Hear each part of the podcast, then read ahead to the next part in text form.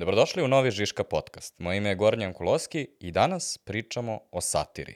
O ismevanju i kritikovanju društvenog i političkog establishmenta. Sa mnom je danas Borana Soror, satiričar, autor i voditelj satirične emisije Prime Time, Stanje nacije, a pre toga i News Bar. Ovo nije epizoda o Borninoj karijeri i razvojnom putu, već zaista analiza satire i mnogih formata u kojima se ona danas nalazi, uključujući i late night koji Borna najčešće koristi. Nadam se da ćete uživati. Ajde sad ispravamo par stvari. Ajde. Uh, bukvalno reći svojim najobičnim glasom, polako, normalno. Žiška podcast. Vi slušate Žiška podcast. Borana, zašto radiš to što radiš? Pa ja mislim da zato jer je to nešto što uh,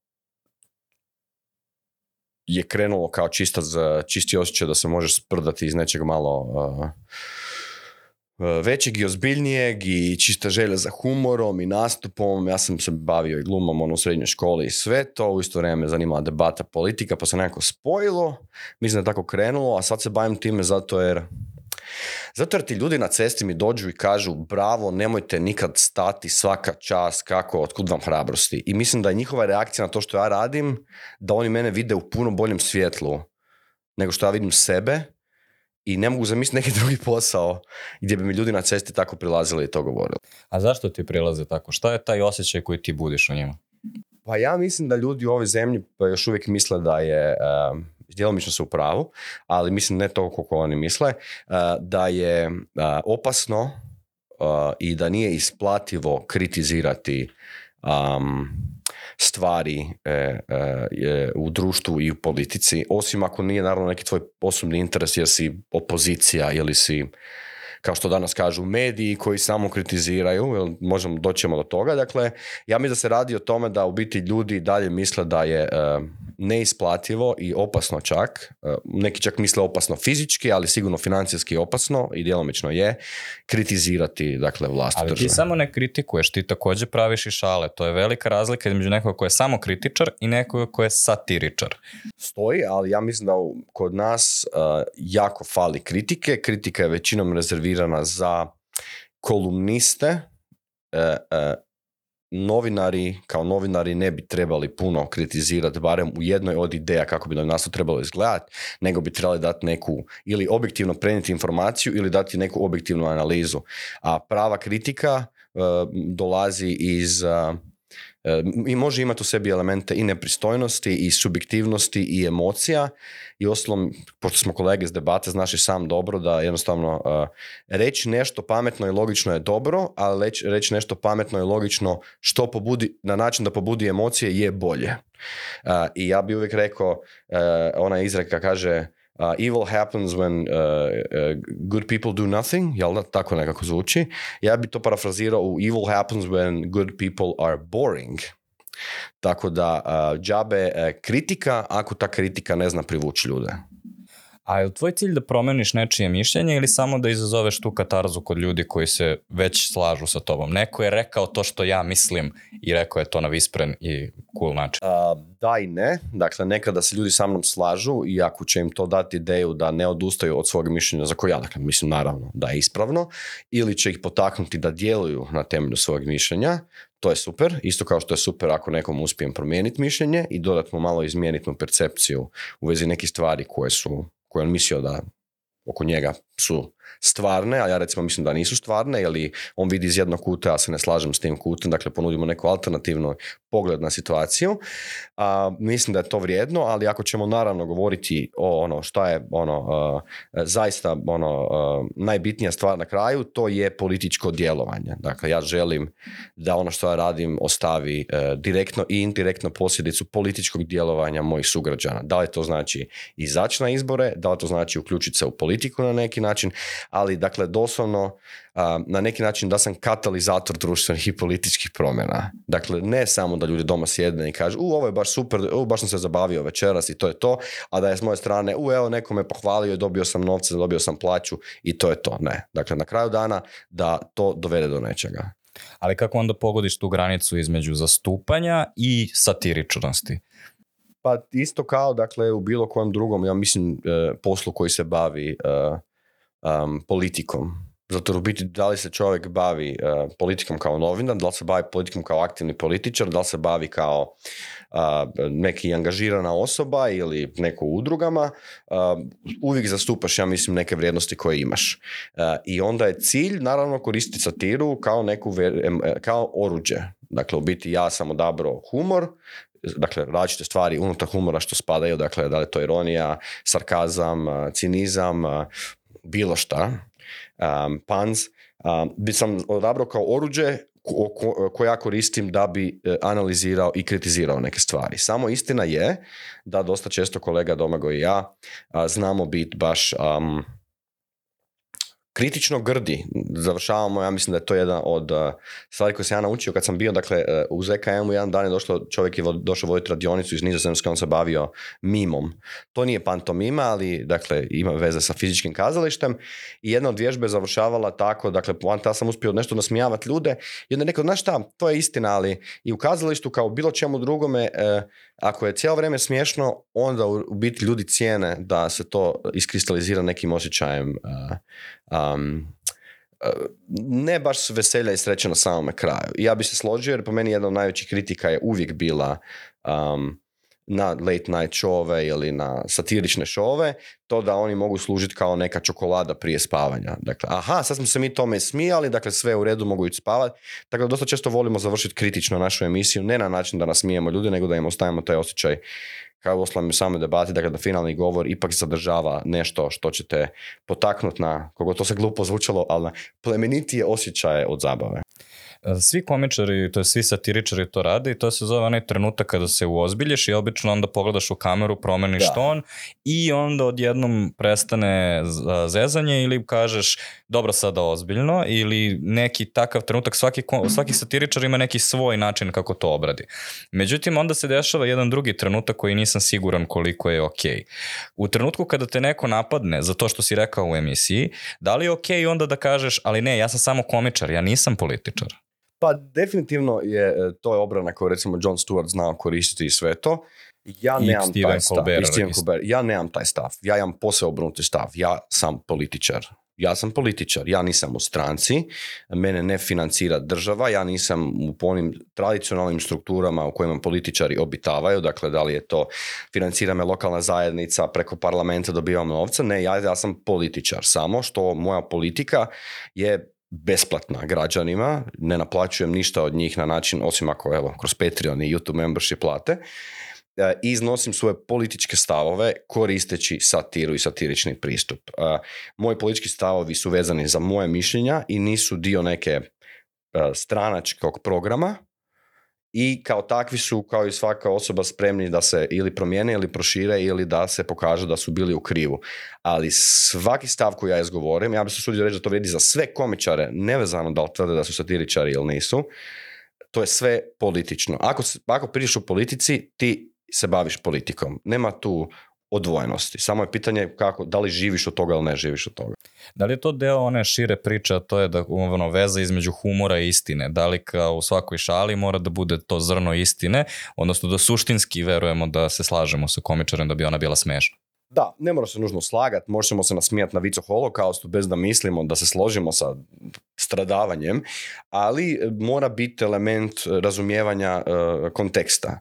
Dakle, da bi da bi se ti zaista nasmio kad komičar kaže joj te žene i njihov shopping, ti moraš imati otprilike stav da je to nešto što je naporno.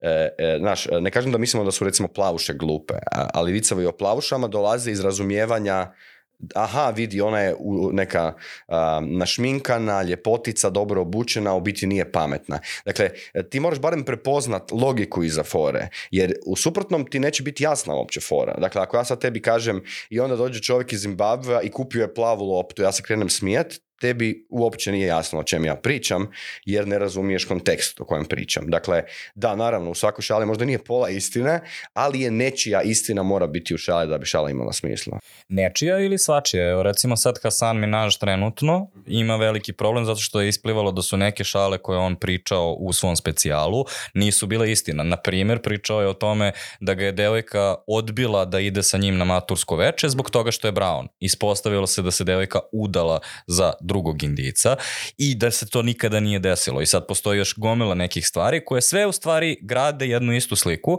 a to je Hasan je hteo da priča o tome koje je iskustvo nekoga biti brown u Americi, odnosno biti indijac u Americi, ali je pričao nama kao da se to sve njemu desilo.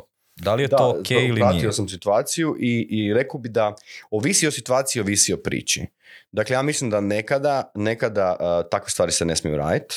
Zato jer, eh, ako, ako te priče završavaju sa idejom hvalite me i žalite me, eh, eh, ja, ja, ja, mislim da je to loše. Mislim da nije samo, dakle, ta, to, ovo van konteksta izvađeno bi još mogu zamisliti da funkcionira, ali pošto to nije jedina stvar gdje on priča o nečemu što se njemu dogodilo, što na kraju krajeva njega čini hrabrijim, sposobnijem u tim pričama, to, to je meni neugodno za To možda nije problem toliko društveni koliko smanjuje moje povjerenje u to da mi ta osoba bilo šta iskreno priča. Ja mislim da, ja sam volio gledati njegov ovaj, Minority Report, Jako sam ga volio gledat, mislim da je odrađivo uh, jako super stvar, zato jer pod jedan, uh, ne zato jer on dolazi iz Brown, nego zato jer je Asian, dakle bio tu jako veliki pogled sa pozicije prema Aziji i Azijatima, u Americi naravno, ali onda u svijetu, pa se bavilo je temama i o Indije i o Kine i o svemu, bavilo se nekim stvarima koje je pročen Amerikanac i pročen američki što se ne bi bavio, dakle imao sam taj element glo- globalnoga u tome i meni to bilo super i pratio je neke nužne bitne stvari koje su potrebne, dakle borba protiv korupcije, moćnih i sve to i to mi je bilo fajn. Samo istina je da je on uvijek volio sebe prezentirati kao lika koji je dobro obučen, uh, u biti je super zabavan i smješan, uspješan je i uh, to onda ovisi da li ti se osoba na taj način sviđa ne. Taj element se meni kod njega baš nikad nije sviđao, a mislim da ovo ide na tu igru. On se može izvlačiti van, ok, i to je Amerika, u osnovom free speech, ali ja to ne bi cijenio. Ne kažem da uh, Mislim da, mislim da, bi, mislim da bi većina ljudi koji se time bavi bi napravila jednako dobru foru ili dobru priču da ne priča samo o sebi. A s druge strane, mogu zamisliti da postoje od monodrama do kabareja do bilo čega drugoga formati gdje ti možeš pričati u prvom licu premda mi zaključujemo da se to možda nije baš tebi dogodilo osobno.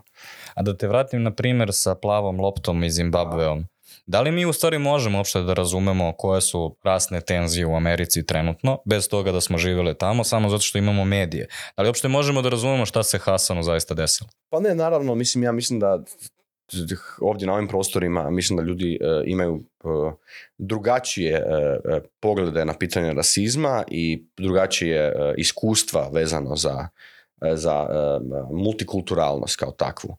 Mi smo po, po meni jako ne promišljamo vlastiti identitet E, promišljamo ga, znaš ono, ko da smo recimo u Americi, pa se onda kod nas u raspravama pojavljuje to imitacija američke rasprave, pa će jedni reći ovo je grozno, ovo je loš, drugi će reći to nije tako, biti ovako, a ne promišljamo dovoljno o sebi. Dakle, ja mislim da kad bi mi zaista promišljali o multikulturalnosti i rasnim problemima na, na našem području, mislim da bi bilo puno zdravije za nas i onda bi možda čak došli do boljeg razumijevanja situacije u Americi. Jer mi realno, mi ne pričamo odnosu prema Romima koliko bi trebali, mi ne pričamo odnosu prema imigrantima koliko bi trebali. Mi ne postavljamo sebi pitanje što je za Jugoslaviju značilo nesvrstane i kako je to za vrijeme naših roditelja i djedova i baka funkcioniralo, kako to danas funkcionira. mi se tim ne bavimo. Mi se više bavimo imitiranjem američkih e, medija i društvenih mreža i meni je to malo neugodno. Neugodno mi je gledati kako se dvoje Hrvate ili dvoje Srba svađa oko Black Lives Matter, To mi je onako... Na. A da ne govorim da smo mi ovdje, na, imamo još jedan tu element za spomenuto, to je dakle mi to ne povezujemo sa bilo čim. Dakle, e, mi imamo nešto što se događa u Americi, što ako maknemo dakle, rasne, rasnu vizuru, ćemo dobiti dakle, vizuru nekog o, o pitanje a, e, e, identiteta, pitanje e, e, agresivne borbe za svoja prava, a to je nešto što mi na ovim prostorima smo krenuli prije 150 godina, imamo izraz, ne znam da li vi u Srbiji imate izraz budnica, Dakle, to je kod nas u Hrvatskoj izraz iz 19. stoljeća, to su pjesme koje dakle, služe da bi se nacionalno nabrijalo ljude, e, budnica, dakle budno, dakle vok dakle doslovni prevod bi bilo vok songs, a, mislim da smo 90-ih, možda u Srbiji se to nije dovoljilo, ali u Hrvatskoj smo 90-ih rušili spomenike isto, dakle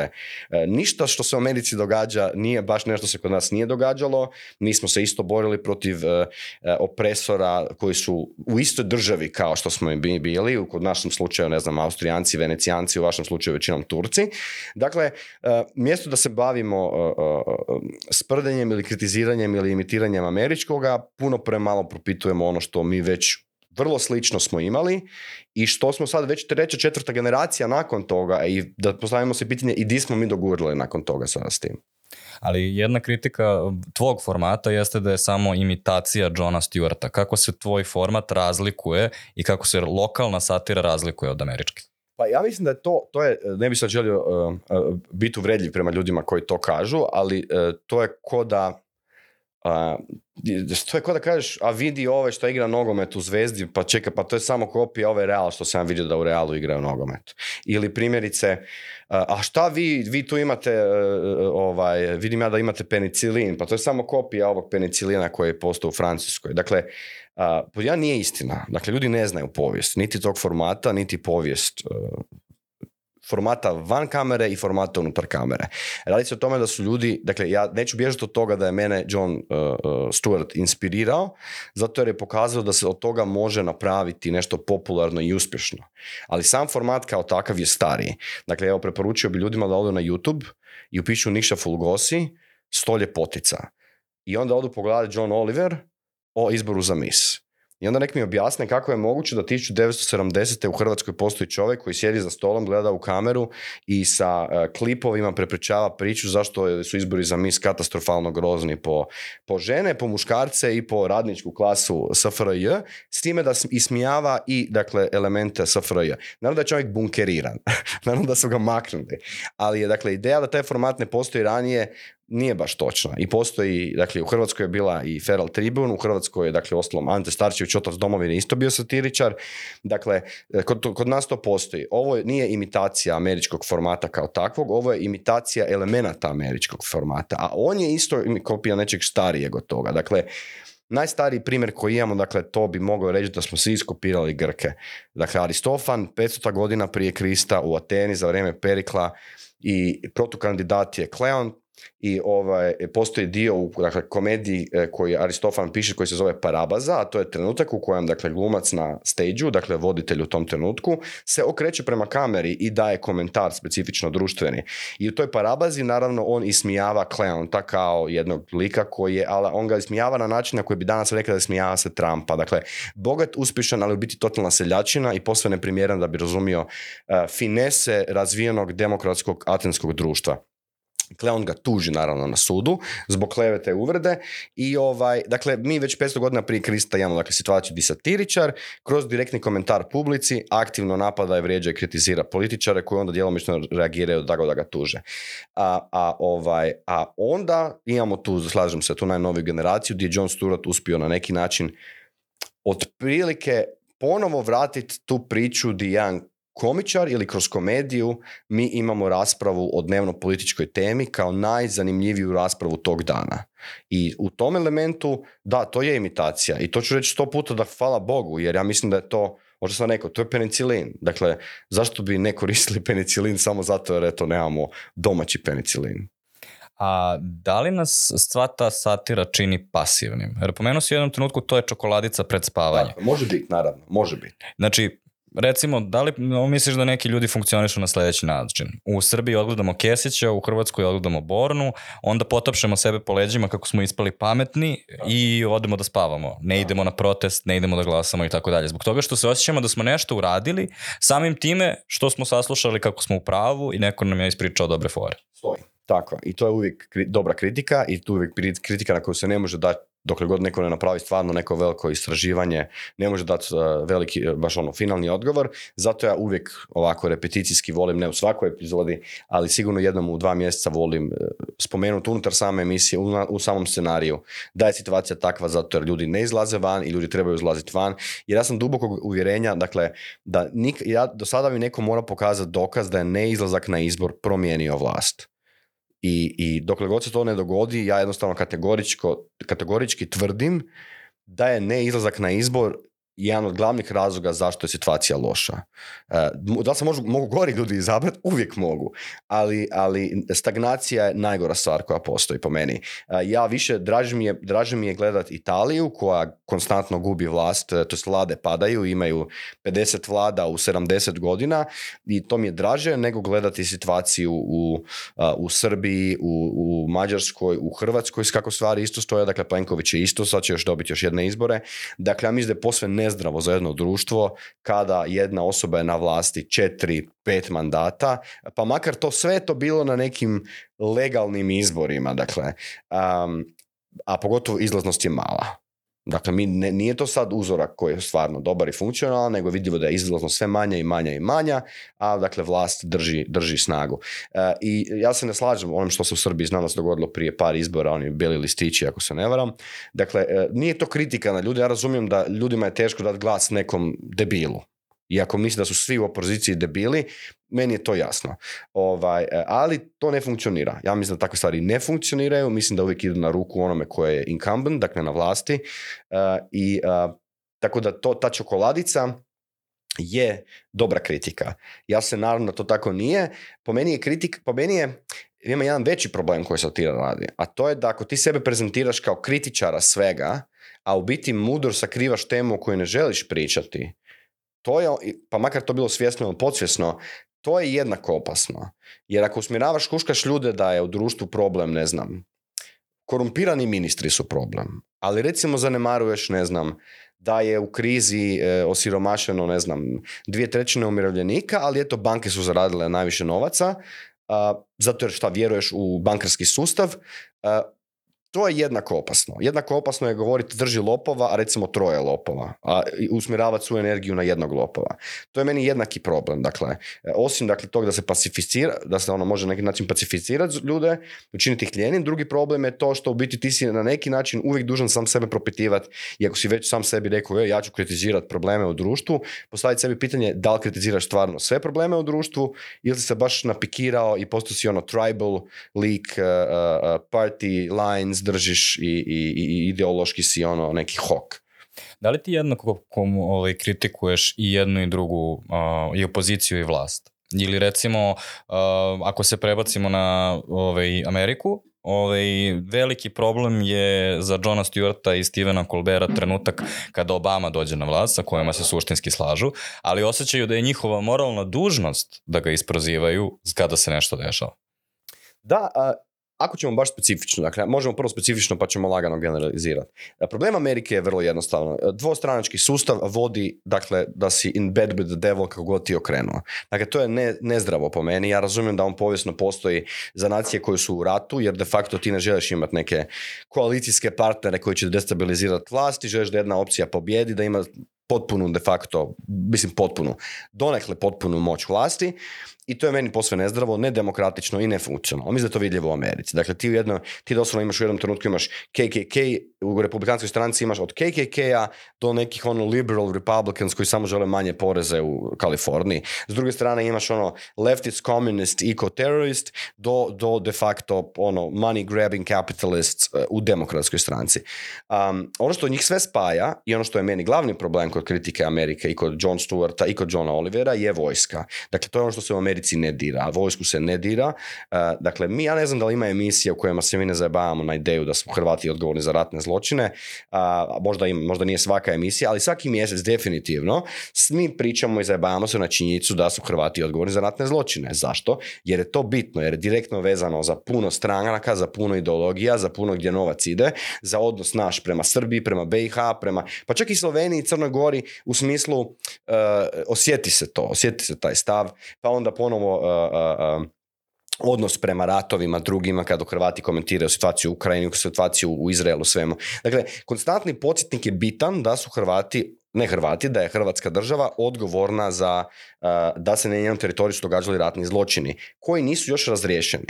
O tom izbjegavati tu temu može samo neko ko misli da to ili nije bitna tema ili, ili postoji neko jednoumlje. U Hrvatskoj, hvala Bogu, ne postoji, u Americi postoji. Dakle, u Americi jedan John Stewart, kog ja iznimno cijenim, se ponaša ko totalni tutlek kada radi onu epizodu za ovaj njegov novi show koji ima on, dakle, radi uh, The, problem with, The problem with John Stewart. Ja mislim da prva čak epizoda, zato sam dobio fraze jer je prva doslovno bila takva, on priča o veteranima koji su dobili rak i vraćao se iz Afganistana i Iraka. I 9-11, to je njegov I 9 je, uh, tako, baš bio, dugogodišnji da. projekat. Tako je, to, to razumijem. Dakle, problem je u tom što imaš ljude na terenu koji su dakle na 9-11 dobili i tu je on dosta dobro odradio. E, ali ovo je sad, dakle, zaključujem da ga je privukla slična tema i onda je išao obraditi problem, dakle, američki vojnici koji se vraćaju, dakle, iz e, Bliskog istoka i dobivaju rak. I to jako gadne oblike raka i to vrlo brzo, vrlo mladi. E, zato jer naravno dokazalo se da američka vojska kada si ti u vojnom nekom kampu, ona pokraj tog vojnog kampa napravi ogromnu rupu i onda sve smeće, sve smeće koje ona ima, ona baci u tu rupu i onda zalije sa, ne znam, kerozinom i zapali. I taj dim naravno ide i čestice i onda se oni vrate u Ameriku i onda njima država ne želi priznat da su oni to dobili tamo ili ako im već i nešto prizna ne želim dati dat healthcare kakav, kakav bi bio potreban da bi se njima barem malo pomoglo ili možda nekim ozdravilo. I sad, on to prezentira ko da su sad money grabbing, ono money pinching republikanci na vlasti kojima je bed uh, dat novce za to ali ja koji gledam iz Hrvatske, pa meni je jasno vrlo dobro što to znači. Dakle, čekaj, ti si u drugoj zemlji iskopao rupe i zapalio si nešto što daje tvojim, dakle, svoje vanike si otrovo, što znači da si ti vjerojatno otrovo masu civila iračkih i afganistanskih. Ti si de facto počinio ratni zločin, vrlo jednostavno. Dakle, ti si otišao u neku drugu zemlju, postavio svoju vojsku i počeo davati rak svima. Dakle, to je razlog zašto američka vojska ne želi priznati da svojim vojnicima da dobivaju rak na taj način. Jer bi to značilo da oni priznaju da su tako dobili rak svi ostali. I onda bi odjednom dobili tisuće i tisuće Afganistanaca i Iračana koji bi ih mogli tužiti i od koje bi mogli dobiti kompenzaciju. I to bi se radilo o međunarodnom, naravno, skandalu. On uopće nema taj angle u svojoj misiji. Uopće. Isto na način na koji John Oliver support the troops, support the troops, support the troops, support the troops. I nema nijedne kritike. Dakle, ako je kritika na Afganistan, onda je kritika zašto smo se povukli i ostavili e, jadne ljude talibanima. Nije kritika šta smo tamo uopće radili. Dakle, to je, po meni, fundamentalni blind spot koji, recimo, Amerikanci, John Stewart ili John Oliver e, imaju, a oni su, pazi, neki demokrati koji bi trebali biti ona politička fol opcija koja se protivila Bushu. I tu dolazimo ovo što si ti rekao. Obama. Dakle, Obama koji naručuje drone strikes, Obama koji proširuje legislaturu vezano za pravo da ubijaš ljude diljem svijeta, civile diljem svijeta, to shoot first, ask questions later, dakle, bez ikakvog suđena da, da smiđeš ljude po cijelom svijetu. To je jednostavno preveliki mountain da, za njih da se oni popnu. Ne samo zbog Obame, nego zbog tog što Amerika jest. Hvala Bogu, ja i Domagoj nemamo baš nikakvih takvih problema. Um, A da li bi ovaj govor tvoj od pet minuta sada, koji je bio veoma jasan. Mm-hmm. Veoma je jasno šta si hteo da kažeš. Da li bi bio razumljiviji da si pravio šale tokom njega? Ili ne? Ovisi. Ovisi što. Ja recimo takve stvari ne volim staviti puno šale u to, jer mislim da su ovo teme kojima ljudi ne znaju. Mislim da su šale potrebnije kada se priča o nečemu što si taj dan, taj tjedan čuo na vijestima. Dakle, ako ćemo pročitati naslovi, i podnaslov vijesti o kojima svi pričaju taj tjedan u INI ukradeno milijarda kuna plina ili ne znam čega, onda je posala potrebna. Zašto bi ja tebe gledao, po 500 put sam vidio naslovnice ovaj tjedan, zašto bi ja tebe gledao? Zato ću ti ja dati neku alternativni način prezentacije te teme. Ovo što sam ja sad rekao i nešto što ti nisi čuo na netu. To jest, mislim, možda neko je spomenuo, ali ja to, to je moje mišljenje. Ti to nisi vidio na indeksu, nisi na jutarnjem vidio, nisi na HRT-u vidio. Tu ne volim puno šala stavljati, tako da ljudi dobe mišljenje. A da li je John Stewart upravo i krajnji rezultat toga što kažeš na samom početku, a to je satira i advokatura, jer John Stewart je tokom jednog dela svoje karijere pravi onaj uh, Rally to Restore Sanity, koji je bukvalno bio potencijalno čak je mogao da bude i treća politička partija. mislim tako si mogo da ga čitaš. Nije, nije zarolalo toliko, ali recimo sada kada je krenuo do Problem with John Stewart, opet se vraćamo na ono pitanje da li je John Stewart potencijalno dobar kandidat za predsjednika, da li je Borna Sor potencijalno dobar kandidat za predsjednika. Pa, amo ovako. malo je ironično, jel, da on ima taj reality to restore insanity, sanity prije nego što je uopće Trump ušao u igru. Dakle, to je bilo vezano za Tea Party, jel da čak? Ja mislim da je to to vrijeme. Dakle, to je neka uh, uvertira ili predigra za Trumpa koja je bila. Um, uh, gledaj, tu treba biti uvijek pažljiv uh, i, i, i, a u isto vrijeme biti iskren. Dakle, Zelenski ne bi bio predsjednik da nije imao humorističnu seriju koja satirizira uh, politički društvo um, Ukrajine. Po meni je to malo morbidno, jer on ne samo da je glumio osobu koja postaje predsjednik u seriji eh, i onda je recimo smio ono što ti ne smiješ u kampanji. Dakle, on u seriji e, sanja kako sa uzijem pobije cijeli parlament ukrajinski jer se oni samo svađaju i ne pomažu običnom narodu. Dakle, to je banalni, banalni eh, populizam koji u isto vrijeme da stvarno predsjednički kandidati kažeš, gledajte, ja, bi se, ja vam fantaziram da sa uzijem pobijem cijeli parlament, bi svi normalni novinari i društvo i ljudi bi građani trebali se postaviti pitanje da li mi želimo takvog predsjednika ili ne. Ne kažem da je, ne, nije to moja analiza predsjednika Zelenskog, ja ti samo želim reći šta je on imao kao mehanizam, on imao humoristični serijal, satirični, prije nego što se kandidirao. Pepe Grillo u Italiji ista stvar. Um, prošli premijer Slovenije Šarc je imao satirični program. Um, ima Damir Nikšić u BiH, parlamentarni zastupnik, sad glumac, komičar, satiričar. U Hrvatskoj drele, tako, L. Franklin. Um, mislim da je gradonačelnik rekivika isto bio satiričar, to je komičar. Um, sigurno sam nekog zaboravio, no sve o svemu u zadnjih 10-15 godina mislim da se radi o da tome se ide. Ide se prema tome. E, odnosno, to je ono što sam na početku rekao. Očigledno ljudi žele alternativne načine pričanja o politici. A, što može biti i loše naravno, zato jer se radi o banalizaciji. Jer to ne garantira meni ako je neko satiričar, politički satiričar, da se ja slažem s njegovim mišljenjem, da je ono zdravo, da nije opasno ili na kraju krajeva da nije populističko. Znaš, um, da li bi John Stewart bio dobar predsjednik Amerike je po meni preteško pitanje zato jer šta znači biti predsjednik Amerike? Trenutačno Amerika ima pa mislim da jako dugo vremena nije bila osoba koja je očigledno samo figura i to nije kritika Joe Bidenu kao osobi, nego Joe Bidenu kao senioru koji sumljam da ima fizičkog kapaciteta biti predsjednik Amerike. Um, dakle, John Stewart bi sigurno mogao biti predsjednik Amerike.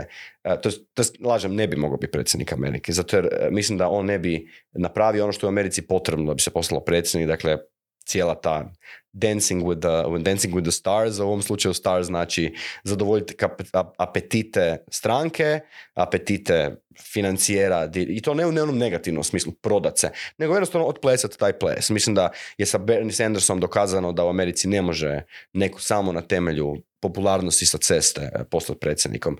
To su oni možda sebi fantazirali u raznim filmovima i serijama, ali realnost je to demantirala. Dakle, tamo ipak stranka i financije moraju odabrati kandidata da bi on postao predsjednik, barem u ovom sustavu. Ali da bi Borna Sor bio dobar predsjednik države, najbolji predsjednik države bio Borna Sor, zato jer u Republici Hrvatskoj um, predsjednička titula je e, iznimno ceremonijalna. A ti si odličan tako, ceremonijalac. Tako da si MC. Ove, ovaj, a, šta misliš o onda kandidaturama koje su po prirodi satirične i komične, kao što je recimo kod nas bio Beli? Pa to, je, to ti želim reći. Dakle, tu se radi o e, dakle, pitanju da li oduzim... Dakle, razlog zašto bi se mene uvijek bilo problem kandidirati je pod jedan zato jer bi oduzimao e, prostor. Dakle, javni prostor je ograničen. Dakle, svako koje se javno nastupa i javno djeluje je dužan shvatiti da on nekom drugom oduzima vrijeme u njegovom životu. I oduzima, dakle, ograničenu minutažu koja postoji na televizijima i u medijima koje može osoba podariti nekom kandidatu. Svaki satirični kandidat mora imati stvarno plan šta će ako dođe na neku funkciju um, i da ima stvarni plan za pomoć ljudima ili iskoristi poziciju na kojoj je. Jer u suprotnom, kog sad čuo, Beli je iznimno razočarao većinu ljudi koji su mu dali glas, zar ne? Nije li to i ovaj, sudbina svih ovih satiričara? Pa. Jer više verujemo da će oni, mi ne znamo u stvari šta oni misle, mi pretpostavljamo zato što znamo da su vispreni da naprave šalu. Ali onda u nekom trenutku uđu u, u vlast i nema više prostora da se napravi šala, nego moraš da kažeš ovi ljudi će dobiti povećanje plate, ovi neće i slične veoma dosadne administrativne vlade. da. Slažem se posle s tobom, a ili ti se dogodi kao Zelenskom rat i onda i onda je on sad on ratni predsjednik i više nema humora. Ja ne znam da li ima neki element humora u njegovom nastupu, možda ima, ali je to do te razine vjerojatno lokalizirano za Ukrajince, nema to na svijetu. Dakle, mislim, Trump je dobar isto primjer, nemamo to zaboraviti. Dakle, Trump možda nije komičar, ali definitivno spada u tu kategoriju. Ja bih to drugačije naglasio. Trump možda nije komičar. Da, možda nije komičar. Odnosno, ja mislim da nije komičar komičar, ali definitivno spada u kategoriju TV lica koja su, zahvaljujući humoru ili, ili barem komičnosti svoje eh, TV nastupa, eh, došli do gura do predsjedničkog mandata. Jer realno on je dakle glumio o, vrlo velikog stručnjaka u sklopu ovo, kak se zove ovaj njegov, nije Apprentice. Think, Apprentice-a i to je bilo napravljeno da bi imao elemente humora. Dakle, on je ispadao tamo i zabavan i komičan, on njegove izjave kroz desetljeća su onako kao bile snarki i sarkastične i sve to i on se dosta često predstavljao kao osoba koja je zabavna osoba, osoba koja će nešto zabavno reći. Osim svi njegovi nicknames služe tome da on pokaže da njemu nije bed napraviti sprdnju iz svog protivnika. On je dobar primjer realno po tom pitanju, zato jer su ljudi njegovi, ljudi koji su glasali za njega, ne ljudi koji su protiv njega, su mogli otprilike iščitati njegovu političku ideologiju. Mislim, ne kažem njegovu iskrenu političku ideologiju, ali on je kombinirao jedno i drugo. Tako da mislim da ovisi. Ja ne znam da li Pepe Grillo, ne pratim talijansku politiku na način da ju razumijem, jer ne znam talijanski, um, ali e, ima, ima situacija. Ja sam sigurno gradonačelnik Rekivika je odradio fair posao. Dakle, radi se više o tome da li ti više vjeruješ e, nekome ko se bavi satirom i komedijom nego tradicionalnom političaru. Ja mislim da da. Ja mislim da ljudi zašto E, e, gdje ljudi gleda moj show, jer ima osjećaj da meni više može vjerovat nego nekom novinaru. Zato jer ja kroz humor i emocije pokazujem na neki način sebe izlažem van i to je neko sad možete reći naivno vjerovanje, ali ako, eto, ako ja nisam sociopat, onda bi to trebalo biti otprilike upućivati na moje stavove i mišljenja. Dakle, ako ja kritiziram odnos prema ne znam, umirovljenicima, onda se zaključuje ako ja dođem na vlast i ovo što ti rekao, nekom ide gore, nekom ide dole, valjda bi umirovljenicima trebalo ići gore. Ili, znači ono, valjda bi ovo, valjda bi ono, naravno. Ali razlika je između toga što pričaš na televiziji i trenutka kad kreneš u pravu kampanju. Jer u pravoj kampanji po meni čovjek ili, dakle, po meni komičar ima satiričar ima dvije opcije. Prva je imati zaista plan doći na vlast ili druga je opcija zna da nikad neće biti na vlasti. Što u Hrvatskoj možeš, ti možeš u parlament ući znajući da nikad nećeš biti na vlasti. Jednostavno ti možeš reći moj glas ne da ne, neće ići nijednoj vlasti, ja ću biti de facto ona verzija pučkog tribuna, moj glas će uvijek biti glas koji samo u parlamentu služi da propituje i, pat, i ono, satirizira šta vi ovdje izvodite. I to je po meni fair. Znaš ono, to je fair ako ljudi znaju za što glasaju. Najgori su ovi koji glasaju za tebe da to radiš i onda jednom dođeš na vlast i onda upravo to. I odjednom ti sad odlučuješ o njihovim porezima i plaćama i socijalnim pravima i skupoći ljekova i onako ljudi su, ali šta nisi ti smiješan? Ne, ja sam fašist. Ove, ovaj, ali da li se to možda vezuje, jer nisam siguran koliko je ovo imalo veze eh, Beli i Beli Listić. Jer, Ne, nisam siguran, ne znam da li je da je Beli više kao... Mislim da je on imao to... Čisto, produhovljeno, tak sam ja to želim Da, sve to, to bio... Mislim da je sve zajedno. Sve što smo rekli je zajedno. Ove, ovaj, u smislu da postoje taj lik i pre nego što je on odlučio da ode u politiku i tako dalje. I ono, nisam čak čega, čega ni ga ispratio toliko, ali jednu stvar ja sam siguran, a to je da su mnogi ljudi koji su glasali za njega glasali kao čin protesta, odnosno umjesto toga da zaokruže beli listi. To mi je jasno i to mi je fajn, to mi je okej, ali ono što mene brine, da li je istina da je on kasnije onda da su da ta njegova lista ušla u koaliciju s nekim na vlast? ja sam, e, ovo ne znam, ne mogu da znam da sigurno, ali negde u Mladenovcu jeste se desilo nešto, zbog čega je njegova politička priča nekako nestala sa scene, toliko mogu treba. To dakle, to je sad već druga priča. Dakle, ako ti glasaš za e, za glas protiv, onda aktivno u politici ta osoba je dužna biti taj glas protiv. Nije, ne možeš odjednom sada ulaziti u neke vladajuće koalicije, osim, mislim, možeš, ako se ti kandidiraš na lokalnoj razini i kažeš, gledajte ljudi, evo, ja vam, ja vam obećajem samo legaliziranu travu. Samo legaliziranu travu. Za ostalo neću dizati glas. Dakle, recimo imaš takvu listu. Očigledno humoristično na neki način. Ali, ali, recimo dođu ti, vladajući i kažu, gledaj, e, mi ćemo to sad stvarno staviti na stol, Hoćeš ti glasati za? Ti kažeš da naravno, evo, ja ću glasati za, što više, evo, mogu, možemo ući u koaliciju vladajuću, s time da ja ostalim stvarima neću glasati za, za ovo ću glasati, ja ću ispuniti svoje obećanje. Dakle, ti možeš to fremat kako god ti želiš i ti si dužan ljudima onda ispoštovati to. E, najgori problem je upravo to, ti kažeš za jebancija, nikakav kontent, nije uopće jasno, svi misle da ćeš samo sjediti i meditirati i onda odjednom, op, si na vlasti i sad odlučuješ kolika je cijena komunalija. Da, a to je, ono, to je malo, to je, to je zajebano ali da li je moguće uopšte da humor bude jasan, jer njegova kandidatura je po prirodi bila satirična, što znači da on ne sme da um, izađe iz svog karaktera, ako želi da to bude zaista satirična kandidatura. Ti recimo sada nama možeš da objasniš šta je deo što zaista misliš, a onda ćeš izaći u prime time i pravit ćeš šale. Šale su po prirodi ja dvoznačne. Tamo, e, ja ću biti tamo ozbiljno, ti si dobro zamijetio si dobru razliku. On je lik, ja nikad nisam zaista lik, lik. Ja sam mogu imitirati likove, ali ne kao stvarne likove, nego mogu naginjati tome, mogu raditi, mogu glumiti osobu.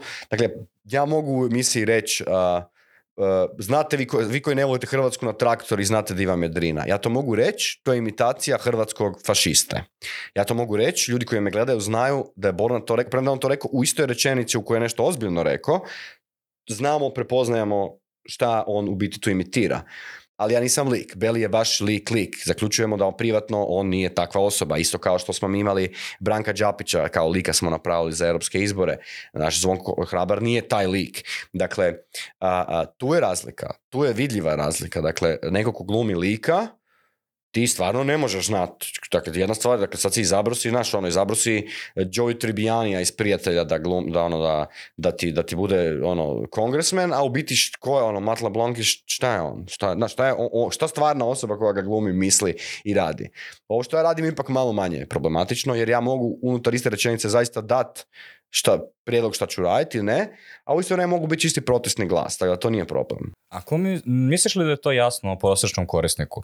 Da li misliš da prosječan korisnik gleda Colbert Report pre 15 godina i onda konta da je to, mislim, to je kao očiglednije, a, da li je ovaj, da li ovaj sada Steven Colbert pravi? Ja mislim da da. Ja mislim da je to da ovaj najbliže što ćemo dobiti. toliko ispeglani i toliko moderirani Steven Colbert zaista pravi Steven Colbert? Ja mislim da je to najbliže što ćemo dobiti javnog Steven Colberta, da. Ne kažem da možda... Ti zaista misliš da on tamo govori stvari koje on barem djelomično ne misli? Ja mislim da on sve više ne govori ništa. To je problem. Pa, ali, kao, ja sve manje vidim Stevena Colberta tu. Da, ali ajmo uzeti ovako. Dakle, imam tu neke stvari koje e, su ljudi iskreno davali do znanja godinama. Dakle, Amerika je problematična zato jer ti u isto vrijeme, ovo što sam rekao na početku, aha, on je demokrat, on mora da je neki liberal, liberal, liberal, progressive liberal u vezi svega. U isto vrijeme Colbert je ono katolik, Dakle, očigledno postoje neki elementi gdje nije on isti kao John Stewart ili nije isti kao Bernie Sanders ili nije isti. Dakle, to je više problem da to je američko, ajmo ih sve grupirati na jednom mjestu, pa onda to očekujemo od njih. meni to nije čudno, znaš ono, meni je Glenn Bill Mara koji je de facto do, za vrijeme Busha bio tipičan jedan, desničari su ga mrzili i onda sad kad je krenuo neki sukob sa elementima, ono što oni zovu progresivna ljevica u Americi, sada ga desničari vole i šeraju njegove, njegove videe. Dakle, ko je pravi Bill Maher? Da li je Bill Maher uvijek bio isti? Ali da li onda bi prije 15 godina rekli Bill Maher je liberalno govno, a danas bi rekli Bill Maher je konzervativno govno. A de facto priča možda čovjek identične stvari. Ono. Ali se društvo oko njega skroz promijenilo. Moguće, tako je, da. Ali to, to je uvijek tako, zar ne? to je... Jer njegova, recimo sad, sad ne, da ne ulazimo ti i ja šta je istina u Americi, jer kao što smo rekli, suviše smo daleko da bismo znali. Ali barem Bill Maher njegova teza jeste ja sam od uvek isti, vi ste se promenili. Znači, on je imao onu čuvenu njegovu foru, ako se sećaš, razlog zašto sam ja postao odjednom kao levičar je zato što se levica preselila u centar, a desnica se preselila u ludnicu. I kao to je bio njegovo objašnjenje zašto je on sad postao levičar odjednom, a kao da je od uvek bio centrista. I sad ono što bi ti on rekao je na određenim pitanjima se levica preselila u ludnicu, a on je i dalje tamo gdje je bio isto kao što bi vjerojatno mogli s nekim razgovarati prije 20 godina, koji bi nama rekao, a bio bi u velikoj manjini koji bi nam rekao, nije ti bilo manje toliko progresivan, uostalom niste ni vi toliko progresivni, vi samo ne znate što je progresivno. Jer poanta o tome da se možda se nije društvo, društvo se promijenilo, ali možda su isto i ti ljudi koji danas imaju neki stav, su samo nešto što je stvarno neki stav koji je postojao već prije. Dakle, uz, mislim, u, meni je uvijek dobar primjer seksualne manjine na ovaj na onaj način. Dakle, zar nije, mislim, razlika oko generalnog stava društva i načina na što se ismijavalo, isprdalo iz homoseksualaca prije 30 godina i danas, ali ne možeš, ja ćeš reći, po to je lud za ludnicu, ljevica ti išla u ludnicu. Ne, dakle, mi, mi smo se promijenili, jel da? Mislim, naši roditelji, većina je generacija koja čak i da im nije imala neki agresivan, negativan stav, to je uvijek bilo za sprdanje i smijavanje. Ili fora je bila sam dovoljno da se neko aha, on je peder. To je bilo dovoljna fora. Danas ja i ti smo već generacija, to nam neće biti, fora. to nije fora. Nije za nekog reći, vidi ga, malo je pederkast. To nije više fora. Sad da li smo ja i ti za ludnicu, naš Ili smo samo ti generacija koja je to prvi put prezentirala na način na koji nije prezentirala našim roditeljima. Dakle, to mijenjanje društva je stalna konstanta i neke stvari možda jesu radikalne, a možda neke stvari smo mi sad stari. Mislim, možda ne prestari, ali meni je jako teško biti na ovoj generaciji između boomera i zoomera, iskreno. Jer eh, pod jedan, mislim da starija generacija iznad nas, koja nije, eh, eh, jako mali broj ljudi je svjesan promjena koji se u svijetu dogodio, a mi ih samo, a mlađa generacija nije svjesna kako je ovo sve izgledalo prije, prije interneta. I ne razumiju koliko su neke stvari neprihvatljive i čudne. Recimo, meni je ja, stva, ja mislim da kad odeš nekome na njegov Facebook page i koment, ili YouTube page ili bilo šta i napišeš mu nešto negativno, ja mislim da je to poremećaj ličnosti. Zato jer ja se razmišljam iz moje perspektive, osoba koja gubi vrijeme da bi išla nekome nešto negativno e, pisat, bez da ga se e, direktno pitalo i prozvalo, mora da je nešto nevalja s tom osobom. Ali djelomično današnja generacija je naučena da je to nešto normalno. I, e, I to je već velika razlika. Ja stvarno, meni nisu jasni hejteri, iskreno. Dakle, jasni su mi hejteri koji guraju svoj politički program pa se sukobljavaju s tobom i jasni su mi hejteri koji su poremećeni. Dakle, to su jedne dvije opcije koje postoje. Ne postoji ja sam zdravi normalan i samo idem okolo hejta. Znaš, on odeš na, odeš na neku pjesmu i vidiš komentare i neko ispod napiše what a horrible song. Zašto? Šta je to u tebi da si ti odlučio napisati komentar nekom bendu koji ima 5 milijuna pregleda? Zašto? Dakle, to je, zato jer ova danas generacija je odgojena da je to normalno. Ali mi koji smo odgojeni u vrijeme kada nije bila toka anonimnosti, ideja da štić okolo i anonimno ljudima srat je bila poremeće. Nekom napisat pismo, ti si sero, da. No, mm, ali nije pismo, nije znam, ista stvar. ne reći, nije ista stvar, ali mi smo odgojeni na način da je kritika nekog drugoga. Ali nije mi jasno što pričaš ko je u pravu. Jel ti samo kažeš šta je tvoj osjećaj ili da misliš da je to realno. Zato što, ono, iz njihove vizure... I sva umjetnost ih subjektivna. Napisati na nešto da je horrible je već dokaz infantilnosti. To je ono, bam, ja ne znam, možda to dva, možda piše, možda ima 8 godina ta osoba koja to piše. Znaš, ono još, još ima, nema empatiju razvijenu. A šta napravi nešto zanimljivo kao foru? Odnosno nasmeje ljude. Na primjer, dobije 600 lajkova na neki komentar. Aha, onda ga to navuče na to. Pa da, ne, ne, moguće, ali slažem se, ali to je onda kreativno. To onda više nije, this is horrible, this is like... Znači ti ugotiviš hejtere dok god su kreativni. Pa, znaš šta, upravo si, tako je, tako je, da, ali to, to mi je već onda, onda to, ne, to radiš zbog publike, onda bi to puno zdravije ima. osjećaj, onda to zbog, radi zbog društvenog, e, društvenog kredita. Ove, a kako se u stvari nosiš sa hejterima? Ja pretpostavit ću da ispod prime time ima tona negativnih komentara. Ima tona, mislim da radimo to već dosta dugo i da ljudi se Umorili su se, izmorili smo ih. Dio prvo originalnih se umori, još i za vrijeme njenu zbara se umori. Dakle, znaš kako to krene. Prvo si uh, neprijatelj, izdajnik si Hrvatska. Dakle, ideš se sprdat iz, ne znam, evo, uzmi, uzmi, dakle, ideš se, ide se sprdat iz predsjednika države. E, recimo, premijera, pošto je on glavna figura politička. Ideš se sprdat iz premijera. Dakle, sad, a, dio ljudi te napast koji su glasali za njega, naravno. Dio ljudi te napast ako se sprlaš iz njegovog ideološkog stava. Dakle, onda te napast ovi koji dijele taj stav. E, onda će oni početi postavljati pitanje ko si ti, pa onda tako ispadaš e, Srbin, izdajnik, Četnik, e, Jugoslavenčina, Komunjara, Sorošev, e, Sorošev plaćenik i tako. Onda recimo napraviš epizodu di analiziraš na komičan način a, Walter Brani Sarajevo e onda, on, onda, onda radiš to za Klaxis TV, onda oni to zašeraju na Sarajevo, ali ne, ne vide kome šeraju, to ode u istočno Sarajevo i onda oni vide imena Domagoj Borna iz Hrvatske, oni ne shvate da je to moderni review na youtube a ne nikakav hate. I onda su ti ispod, e ti si Ustaša, vi ste, znamo mi ko je dočekivao Hitlerovu vojsku 41. Dakle, odjednom si, dakle, sada si Ustaša, sada si fašist Hrvatski i sve to. Um, onda naravno e, ponovo e, prozoveš crkvu, onda te jebu ovi da si naravno ponovo si neki ti poremećeni ateist, sad si neki ponovo izdajnik domovine i sve to. Dakle, hejt, dokle god je hejt tako generalan, te uopće ne dira. To te uopće ne dira. Čak, jedan dečko nam je napisao, e, jedan dečko nam je napisao, kak ste jadni, niste jaki, vidite da, vam, vidite da vam fali, šta je napisao? Fali vam, jebam, jebam, sad sam zaboravio. Um, nije mišića. da, mišića, ali nije bilo na ono mišiće. Testosterona. Da, je testosterona, mislim da je rekao. I onda mu je Domagoj nešto odgovorio, kao, pa bi dobro da bi da ti imaš testosterona, nešto, ne znam što. Prvenstvo Domagoj mu odgovara. Čekaj, čekaj, on je odgovorio? Domagoj mu odgovara, je odgovori par... Kad vidi nešto tak zanimljivo i smiješno, onda mu Domagoj odgovori. Jer to je stvarno bilo neočekivano, fajom testosterona. I ovaj je rekao, pa ok, bitno da ti imaš... Domagoj isto nešto glupo odgovorio da bi ispao na kraju da ovaj dečko je MG dakle sad je on neki lik koji je očigledno gay lik koji nas vrijeđa. Jer, dakle, ne, znaš ono, posve nije ti jasno. Dakle, sada smo već ušli u tu fazu Dobro, da ne znaš ko će te Naravno da je ispao Okay. Znaš, uvijek očekuješ nekog starog lika koji je ono seranja, konzervativac, koji će te vređati ali baš to, svi ti klinca od 8 godina. Da. E, tako da ne, to je problem. Mislim, mi smo imali jednu pretnju smrću koja je sada procesuirane. U biti sad još jednu smo prijavili. E, problem su pretnje smrću koje se dogode. Koje su, ali ne kao trebalo sve pobiti, to nije pretnja smrću u pravom smislu. Pretnja smrću je, e, znam na koji bus doma, riješit ćemo vas, a, e, e, a, već kopamo grob za vas, vidimo se doviđenja. To su, to, to su već, to su ono kao, te ljude treba, ako ne zbog nas, nego zbog drugih, e, poslati im policiju doma. Jer, kužim ja, treba vas sve pobit, je dobri stvari balganska poštapalica. To, to ne, osjet, to ne doživljavam nekako osobno. Tako da toga ima. Ali sad taj hejt i sve to nije bitno koliko je problem, evo nešto u osnovu čem si ti, nešto u osnovu čemu ovaj podcast dosta često dotiče a to je cenzura. A cenzura e, nije više zakonska, kad smo pitali našu, e, našeg premijera i ministricu kulture da li ima cenzura u Hrvatskoj, oni su rekli naravno da nema. Zato jer nema članak zakona o cenzuri. Ona je ekonomska.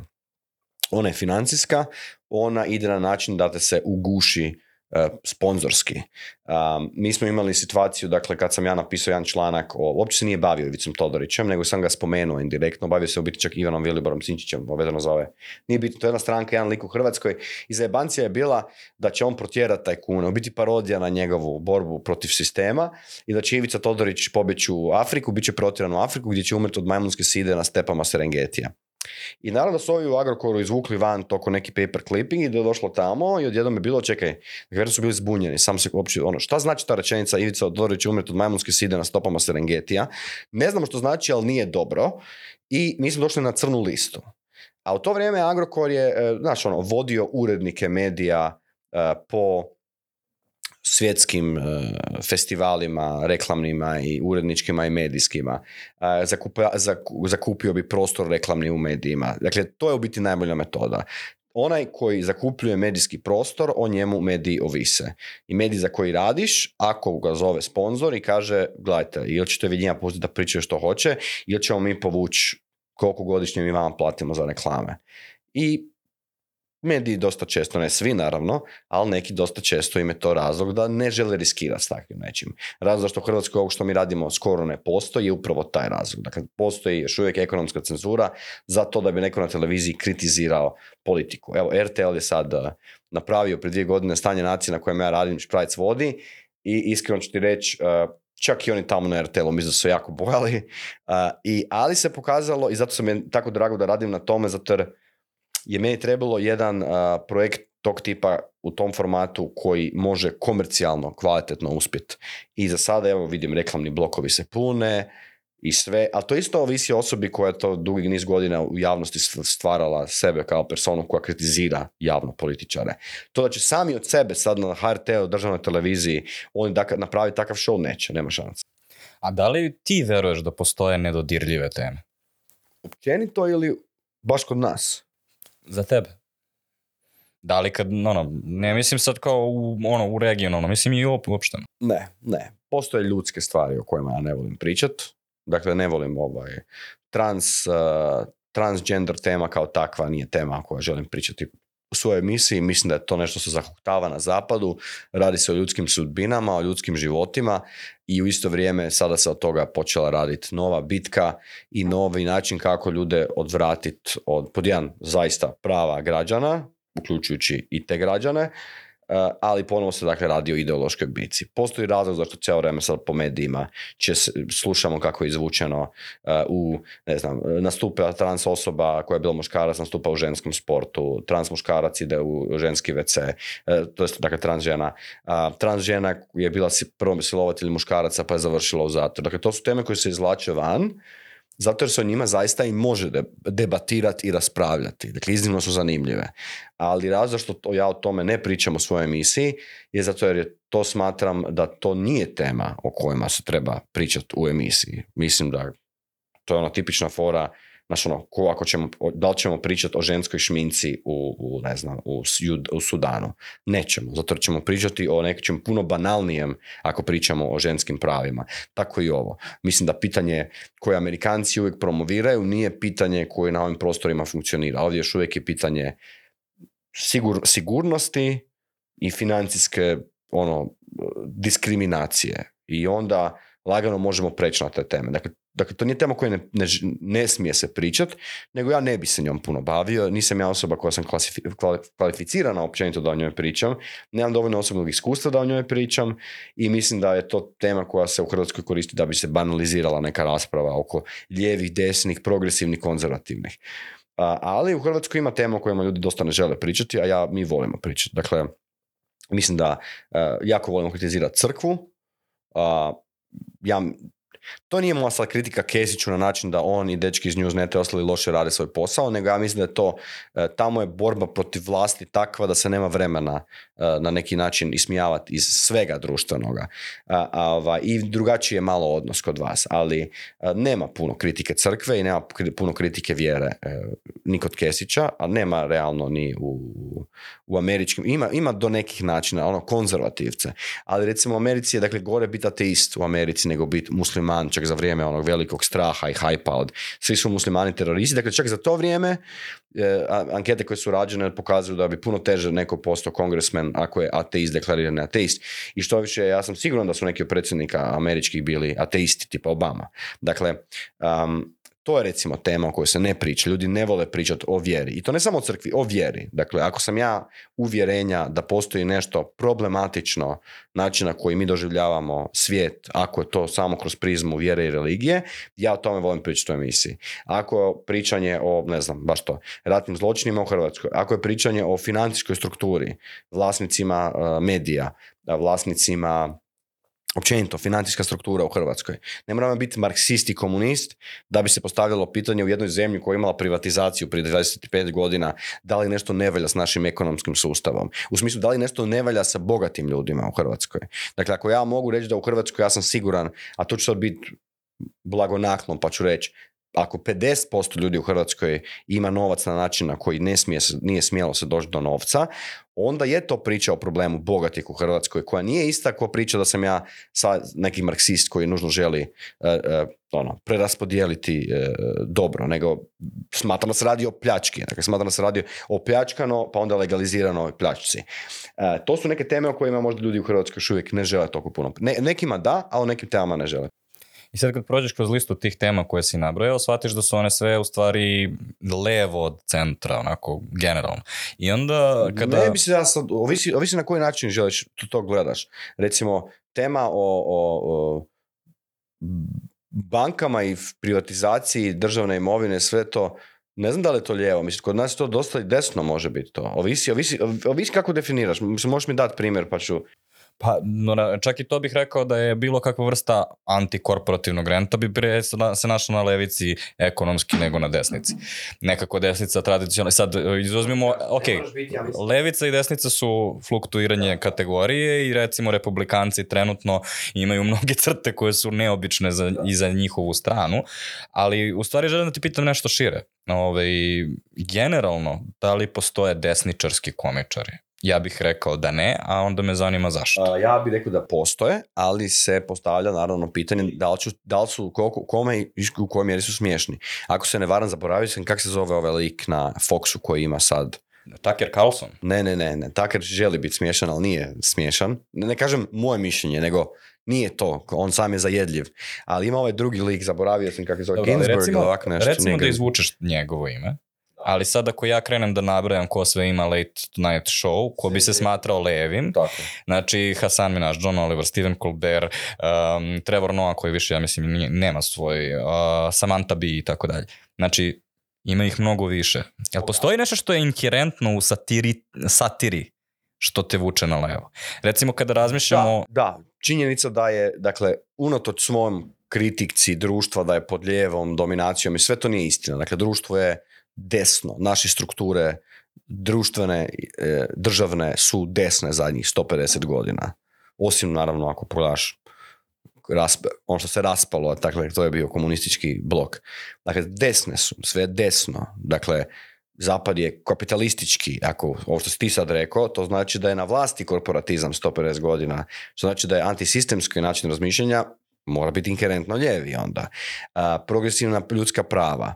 Dakle, kada se pitalo o tome da li žene imaju pravo glasa, ko je bio lijev, ko je desno? Jer, desnica, jer bi onda rekao da je desnica bila protiv prava glasa ženama.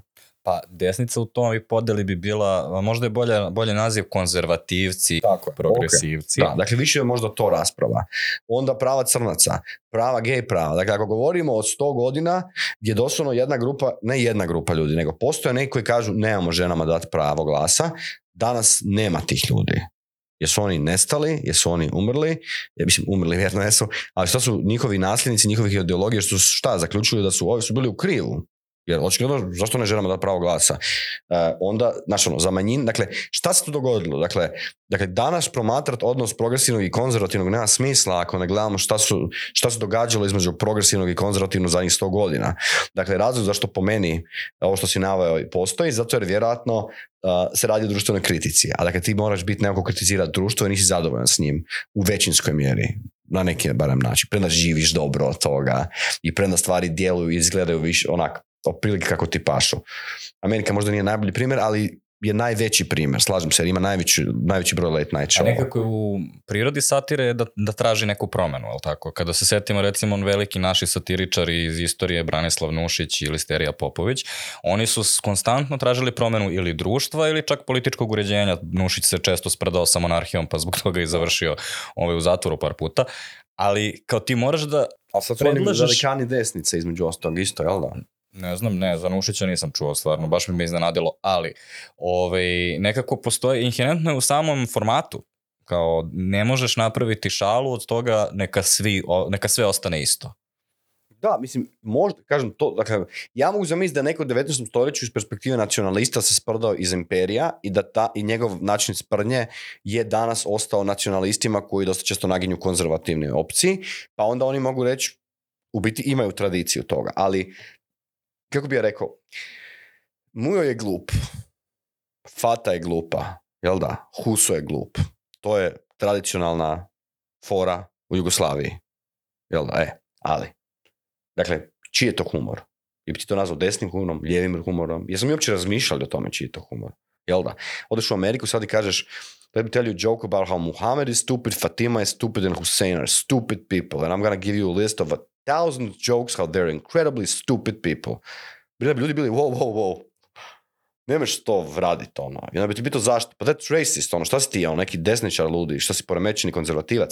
Dakle, mi ne znamo, ja ne kažem, radi se o tome da nismo promišljali o tome, znaš, ono, plavoši su glupe, dakle žene su glupe. Jer to onda lijevo, desno, rekao bi da je desni humor, jel da? Dakle, dakle, ta ideja da satira je dominantno lijeva je upitno pitanje da li je humor dominantno lijevi bio? Ja, ne, ja nisam siguran. Ja mislim da, da, ako ti uzmeš da mi imamo jednu dosta dugu tradiciju desetljećima sprdnje iz toga da su crnogorci ljevi, dakle u biti radiš neki racial profiling, dakle, dobar stari humor racial profilinga, e, dobar stari humor da su žene glupe, e, dobar stari, znaš ono, humor e, koji se odnosi na, na, neki, na neko ono nasilje, na to da su pederi ženskasti, da su svi ženskasti muškarci homoseksualci, to, to, taj element ja ne bi nazvao humorom, nego se više onda postavilo pitanje kako se dogodilo to da su u medijima, na televiziji, većinom progresivni e, ljudi e, e, se bave satirom. A ja mislim da je razlog taj da ako si konzervativac i želiš se baviti takvim nečim javnim nastupom,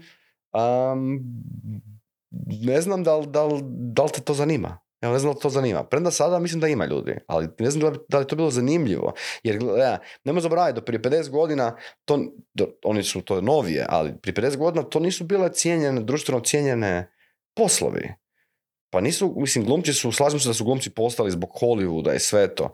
Ali ako si ti bio glumac u kazalištu prije 50-60 godina, još uvijek na zapadu, pa nisu ljudi bili, ah, on je glumac, on je poznat, on je ovo. On je glupi glumac, ono. On je, ono, ja rađe bi bio E, ono, tajnik ili radio na recepciji u ministarstvu ili u banci, to je fin i cijenjen posao, nego biti neka ono, neki kreten, e, e, neka flundra koja se tamo baca po pozornici.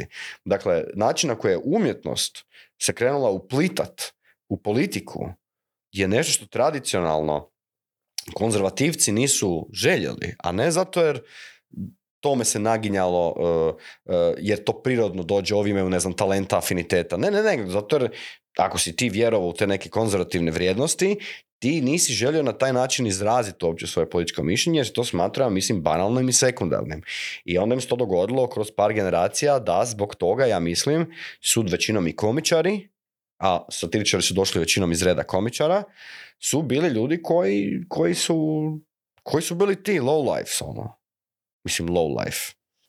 A um, pomenuo u jednom trenutku tu, ne možeš danas u Americi ispričati tu šalu. A... Da, jer bi, oni sad, oni bi to gledali, e, mislim ne oni, ja mislim da ti ne možeš ju ni u Europi ispričati, ja iskreno mislim da ti čak više ni u Hrvatskoj djelomično ne možeš ispričati pred, pred e, ljudima. Ne ja je tebi, nego da sad nas petero, šestero sjedi i e, imaš curu u društvu koja dolazila, ne znam, došla iz Sarajeva, muslimanka i zove se Fatima i da ti kreneš pričati vice o muji Hasi i Fati, ja ne znam da li bi to njoj danas 2023. bilo ugodno za slušati.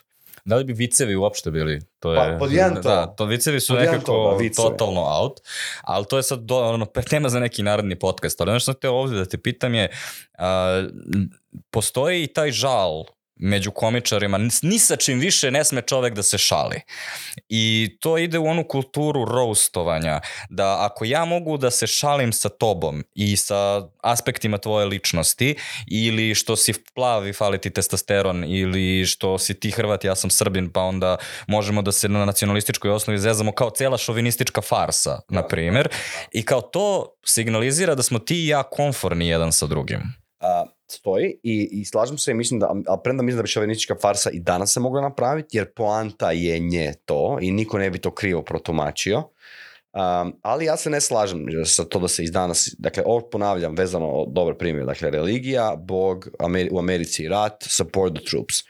Dakle, kad si ti zadnji put zajebavao, kad si ko se zajebavao zadnji put sa vojskom? Dakle, ima ona jedna jedina fora, ja mislim da to zadnja mainstream fora, kada Louis C.K. govori if you go to Iraq, maybe nije čudno da ćeš poginuti tamo. Svi su joj grozna tragedija poginuo vojniku u Iraku, ali kao, možda to nije tako čudno ako si tišao u rat. Dakle, to je zadnja fora. Gledam Bill Bora koji je kao, joj, politically incorrecto, nisam se ne smije zajebavati, nego ga je pitao da se zajebava. To mu kaže, imam sam ja nastup gdje sam napravio neku foru o vojci, niko se nije smio, onda sam odlučio da više to neću raditi. A je li? Dakle, ima stvari kojima se ne želi zajebavati, zato jer šta? Šta, zato tvoje publici, tvoje publici ne paše.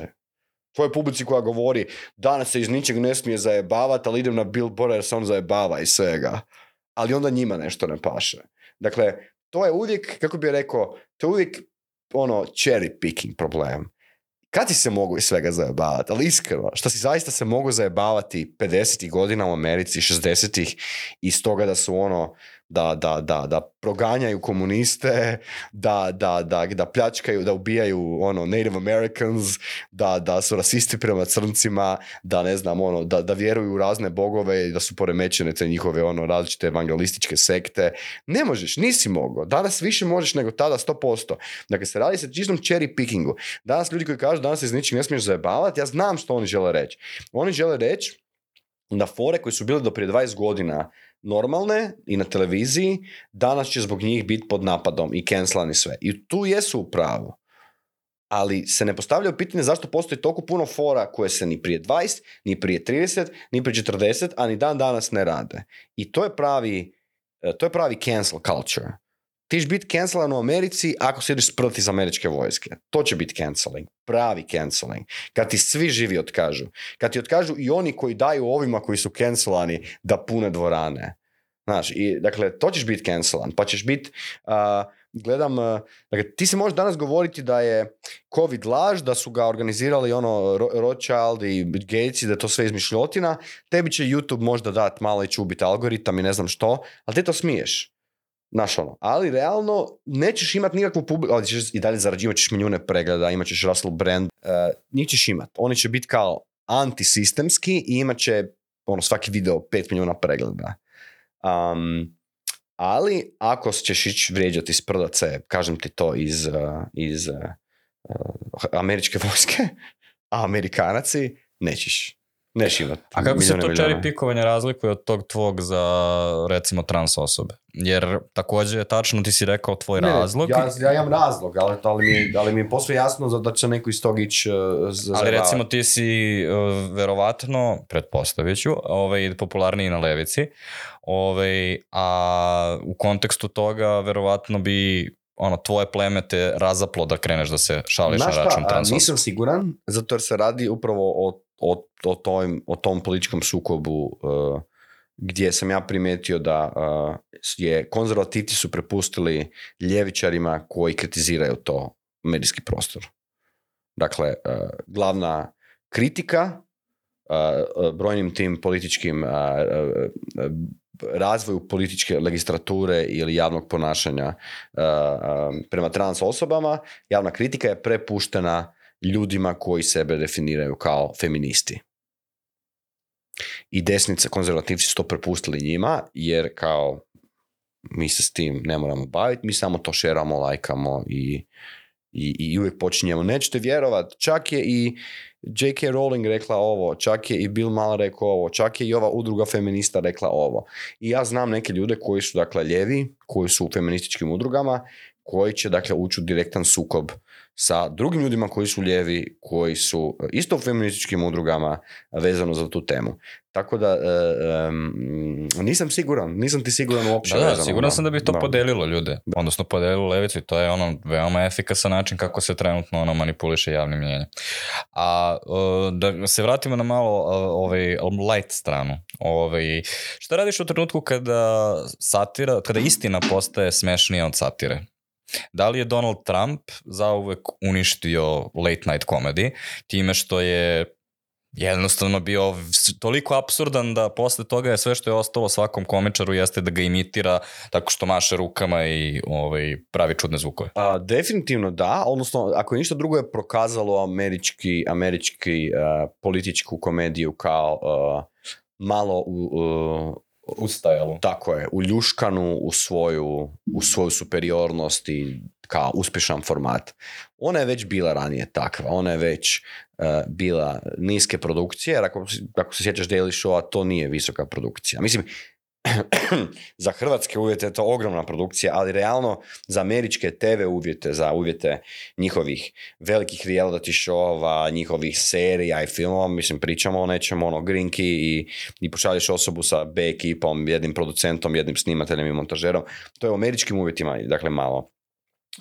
ako uzmeš dakle jedan saltpark Park koji po meni još uvijek drži e, razinu, to je dalje animirani Mm. Dakle, daleko od toga oni sad imaju studio, to više nije njih dvojica, to radi sad 20 animatora, ali i dalje, dakle, ona je uvijek bila produkcijski tehnički lowbrow, mislim da je to, to je ukazivalo na koliko god, on, ona je bila uspješnija i popularnija nego što zaista je američko društvo mislilo da je to pravi način da se raspravlja i priča o politici i društvu. I onda kad došao jedan Trump, koji je rasturio i politički i ozbiljne medijske rasprave i emisije E, i politički sustav, dakle svoju stranku, kamo li onda ne bi jedna de facto, ja bih rekao, sekundarna, sekundarno financijski e, razvijena usluga, a to je late night i e, američka satira, ne bi dobili po njoj. I jesu. Dakle, recimo, mislim da tu je South Park najbolji primjer, jer South Park je odusto od bavljenja Trumpom.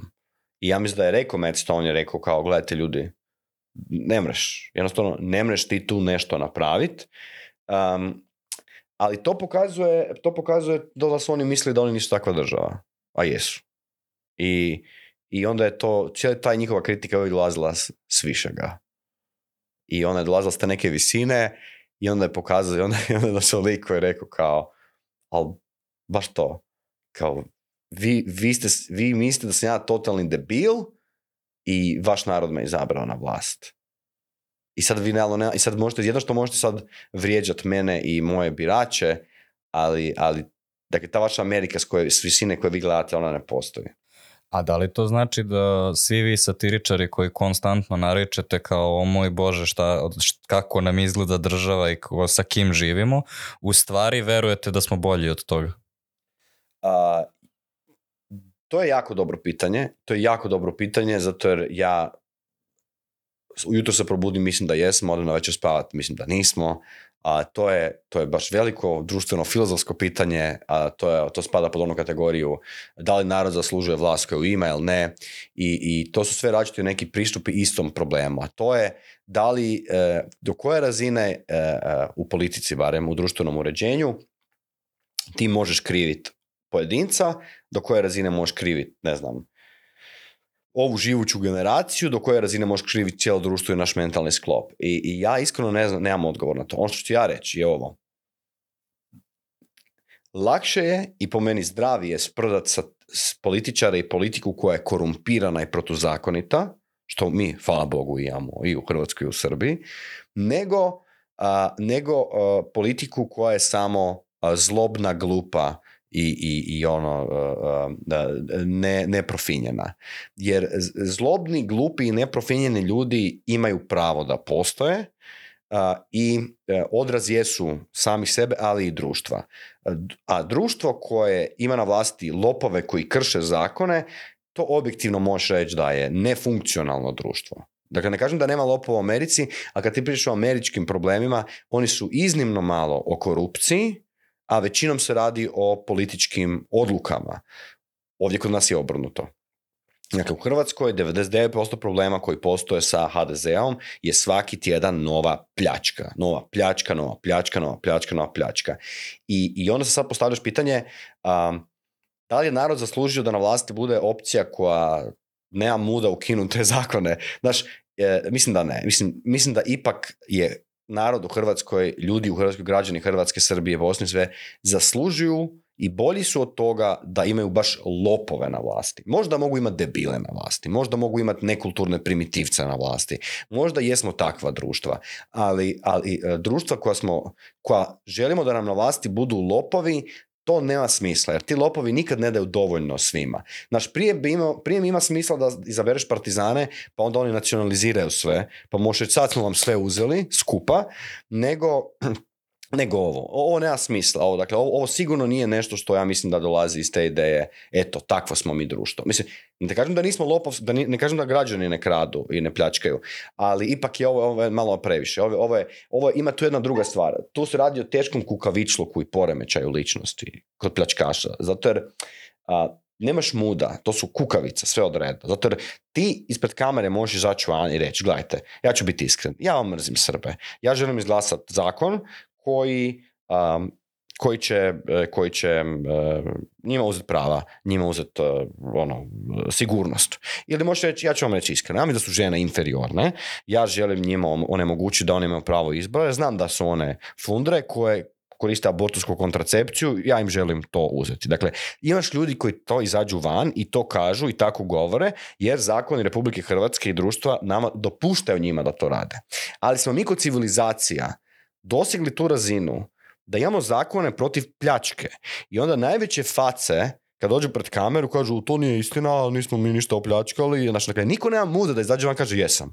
Ukro sam, 5 milijuna euro sam vam jučer ukro, jeste debili, jer imam ekipu svoju na pozicijama i ukro sam i kupio sam sad tri vile u Istri i ne možete mi ništa. Dakle, jedino mjesto gdje smo mi dogurali toliko daleko da i najveće baje na svijetu su pičke pred kamerama i ne usude se reći što su radile taj dan – je samo korupcija i pljačka. Za sve ostalo svi imaju muda reći što misle. Ne svi, ali imaju i muda i reći će. Dakle, osim možda u slučaju Escobar, a i Escobar vjerojatno isto lagu, ja sam samo poslovni čovjek. Dakle, to je najveća moć koju mi imamo. Da svi ti korumpirani, ono, mini vođe, mini sultani, mini veziri, kada dođe pitanje novinara ili bilo kog drugoga, oprostite, jer ste vi zaista ukrali te novce, ne, ne, ne, neće priznat. Dakle, boje se. Boje se, jer znaju da priznanje na televiziji će dovesti ili do ono, zakonskog ipak nekog e, procedure ili do ljutnje u narodu.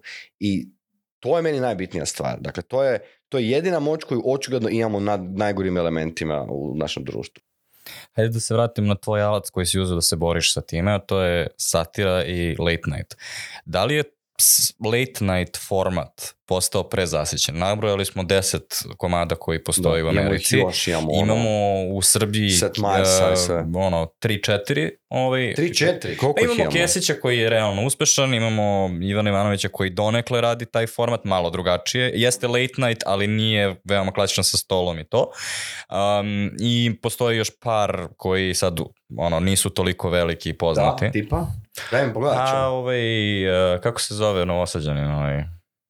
ne Dobro, naći ćemo. Naći ćemo. Um, jedna Pajkića koji u jednom trenutku krenuo. Tako je, e pa dakle, to moram, dakle, ja to moram pohvaliti. Dakle, čekaj, samo sekund. Dakle, ako nešto postoji univerzalno u svemiru, to dakle ja, dakle ja ne znam da li Sjeverna Koreja ima satirični program, ali dakle to da postoje satirični program koji sprda opoziciju pod izgovorom pa svi sprdaju vlast pa ćemo mi opoziciju je meni najluđa stvar koju sam vidio. Druga najluđa stvar koju sam vidio je da, oni, da su oni snimili kadrove pljeska i da se ponavljaju kadrovi pljeska. Ali nije li to ovaj, ona priča... Ne ironično, ne ironično. A, da li je? Mislim da je taj show ironičan. Pa to nikad ne možeš da znaš, to je ono što će ti Trump uvek reći kada kažeš ispao si glup, on kaže nisam ispao glup, ispao sam bezobrazan.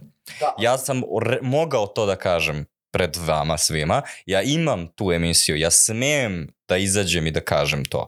I onda to određenom da, to je demografiju. koja dobira novce i zarađuje na način da bi pljuvala po, opoziciji e, e, i do, dobiva pod dakle, blagoslovom zato jer vlastima to paše. Ako bi se zaista radilo o tome da je ta osoba toliko genijalna da je uspjela podmetnuti patku vladajućima koji to indirektno financiraju, onda je genije. Ovaj, tako da da, ali na kraju krajeva ono, pratiš novac, ipak je teško je prevariti nekoga koga, koga Znaš ono, kako da ja dobim novca od tebe, a u biti tebe vrijeđam. Um, to je to je, to je za naj, najpametnije na svijetu. Ono. Ali, da Ako dođeš do tog trenutka da um, sada imaš, kao sa podcastom, ne znam da li si ukrčio, sada se trenutno dešava čitav talas lažnih podcasta. Tipa, um, ovaj, da, do, dovedeš celebrity, a im, onda obrneš totalno format. Zaboravio sam kako se zove devojka koja to radi. A ali, da, vidio sam, ono, u praznoj, da. ono, umjesto da sedimo ovdje, da ali poenta toga jeste da se iz toga kreira priča. Mark Cuban je bio u podcastu i prva stvar koju ga je pitao, koja ga je pitala imate, imaš 20.000 eura da mi pozajmiš. Da. Razumeš? I onda to postaje priča i mi to u stvari vidimo na TikToku i tako dalje. Ali... A to, to je samo moderni prikaz dobi starih formata koje su već izokrenuli od ono, od, od, od LG-a do, do, do Between Two Ferns, do... Dakle, to su ti igra, mislim, to su igrani, igrani intervjue, da. Ali da li smo postali zasićeni tim formatom? Jesmo, mislim, ovaj sa late to mislim, naravno, late night moraš podijeliti. Ja mislim da e, kada pričamo o zabavi, da, da, naravno, jer ima tog puno, mislim, zasićeno. Ne znam, ono, da li sam poslali zasićeni sa rock and roll muzikom, sa rap muzikom, sa R&B-om. Naći će se. Mislim da, ono što sam rekao ranije, ova generacija nova, mislim da zaključujem da oni su naučeni da toga postoji, da su zasićeni svega. Svega ima u izobilju. Osim, ja mislim da političke satire nema. Ja mislim da ni u Americi nema političke satire. ima, ima ovaj mainstream koje danas je u vijestima predsjednik izjavio ovu i ovu glupost, sad ćemo se malo smijati tome.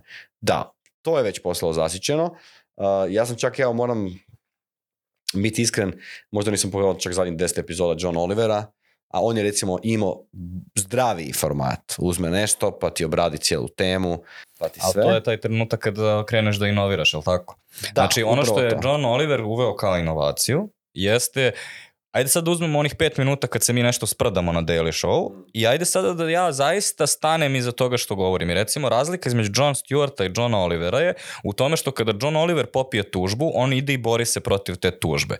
I on je u fazonu, ne, mi fact čekujemo sve što izađe u ovoj emisiji i stojimo iza toga. Ni u jednom trenutku se ne povlači i kaže ja sam samo komičar, nisam zaista da, mislio. To je istina i to je bila stvarno dobra inovacija i mislim da je to sve te onom, onom što sam ja na početku rekao, sve ide u tom smjeru da ti u biti želiš da ljudi djeluju politički. Dakle, u ovom slučaju, on to sigurno ne radi da se ljudi informiraju i onda ostanu doma. Jer on dosta često... eksplicitno njegov tako, kraj je uvek poziva neku akciju. Dakle, Iako je ta akcija nekad samo napišete gluposti na Twitteru. Tako, ali... tako. Ali, dakle, tu funkcionira. I onda smo spomenuli, spomenuo bi onda to ljudima na kraju ovaj, uh, Cody Johnson i Some More News, koji je u biti eh, verzija toga ali, samo sat. Samo sat vremena, YouTube varijanta i više u liku.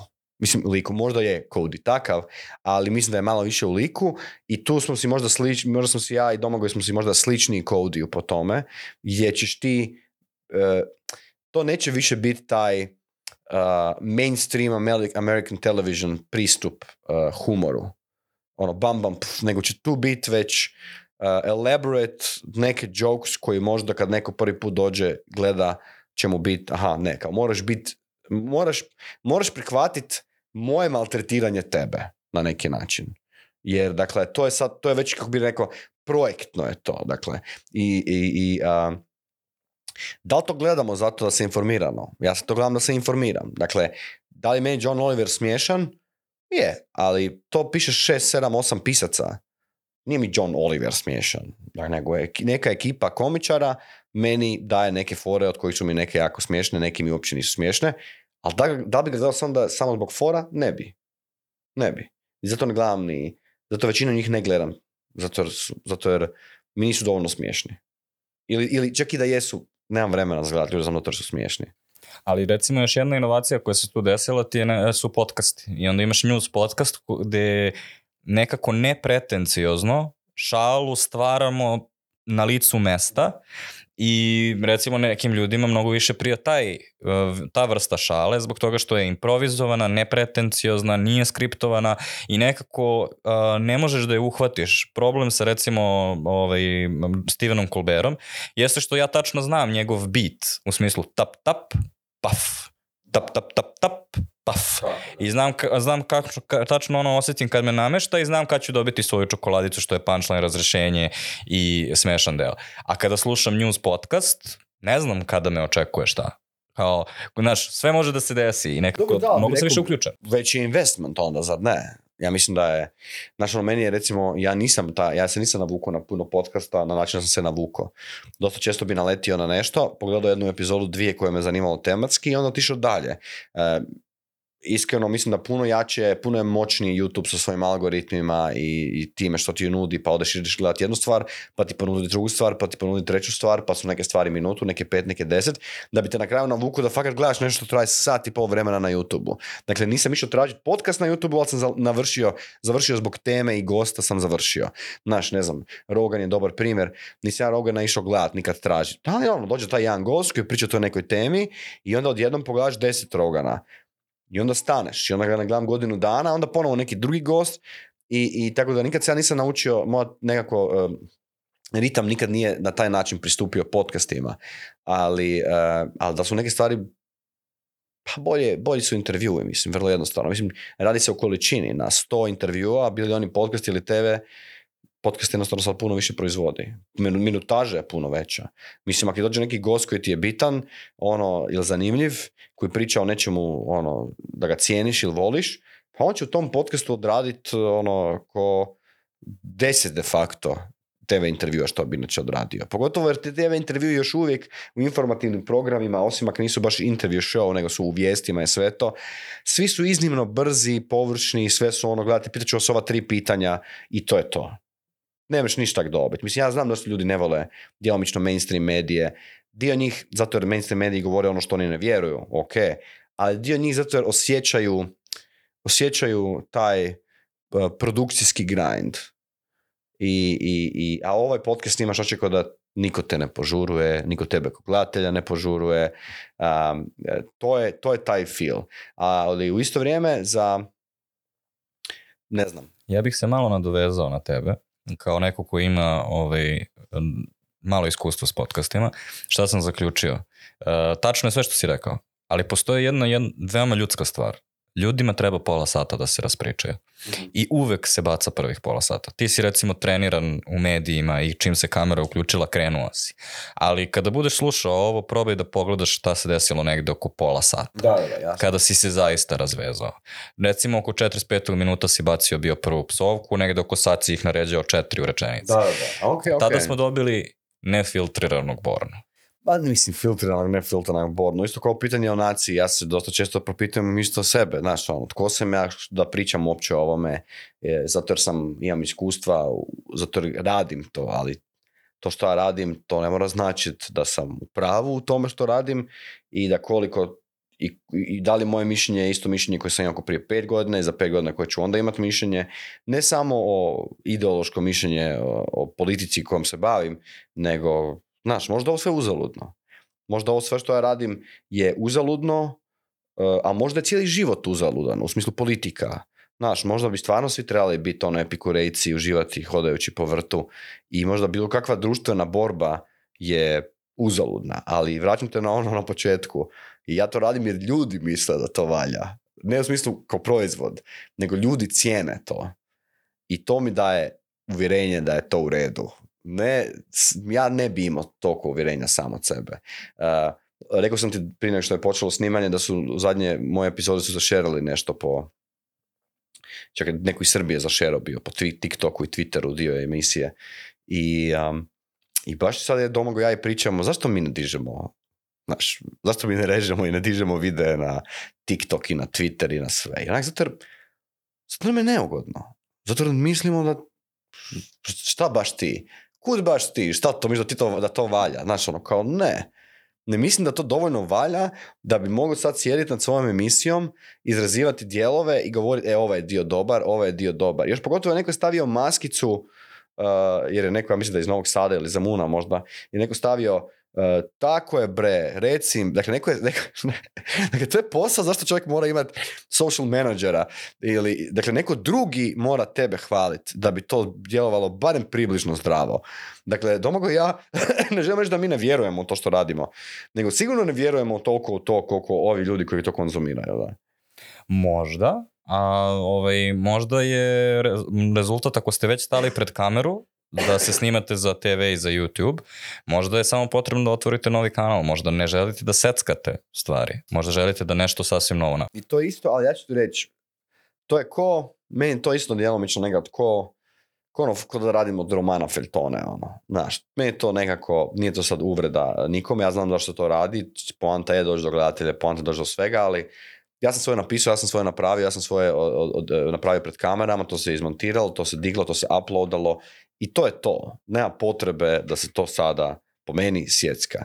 To da se to sjecka je, to su odlučili ljudi iz um, koji su pod jedan postavili društvene mreže, koji su postavili algoritme i onda ljudi iz produkcije koji su rekli slušaj to mora dobiti što veći broj pregleda, to mora doći do ljudi i zato se to radi.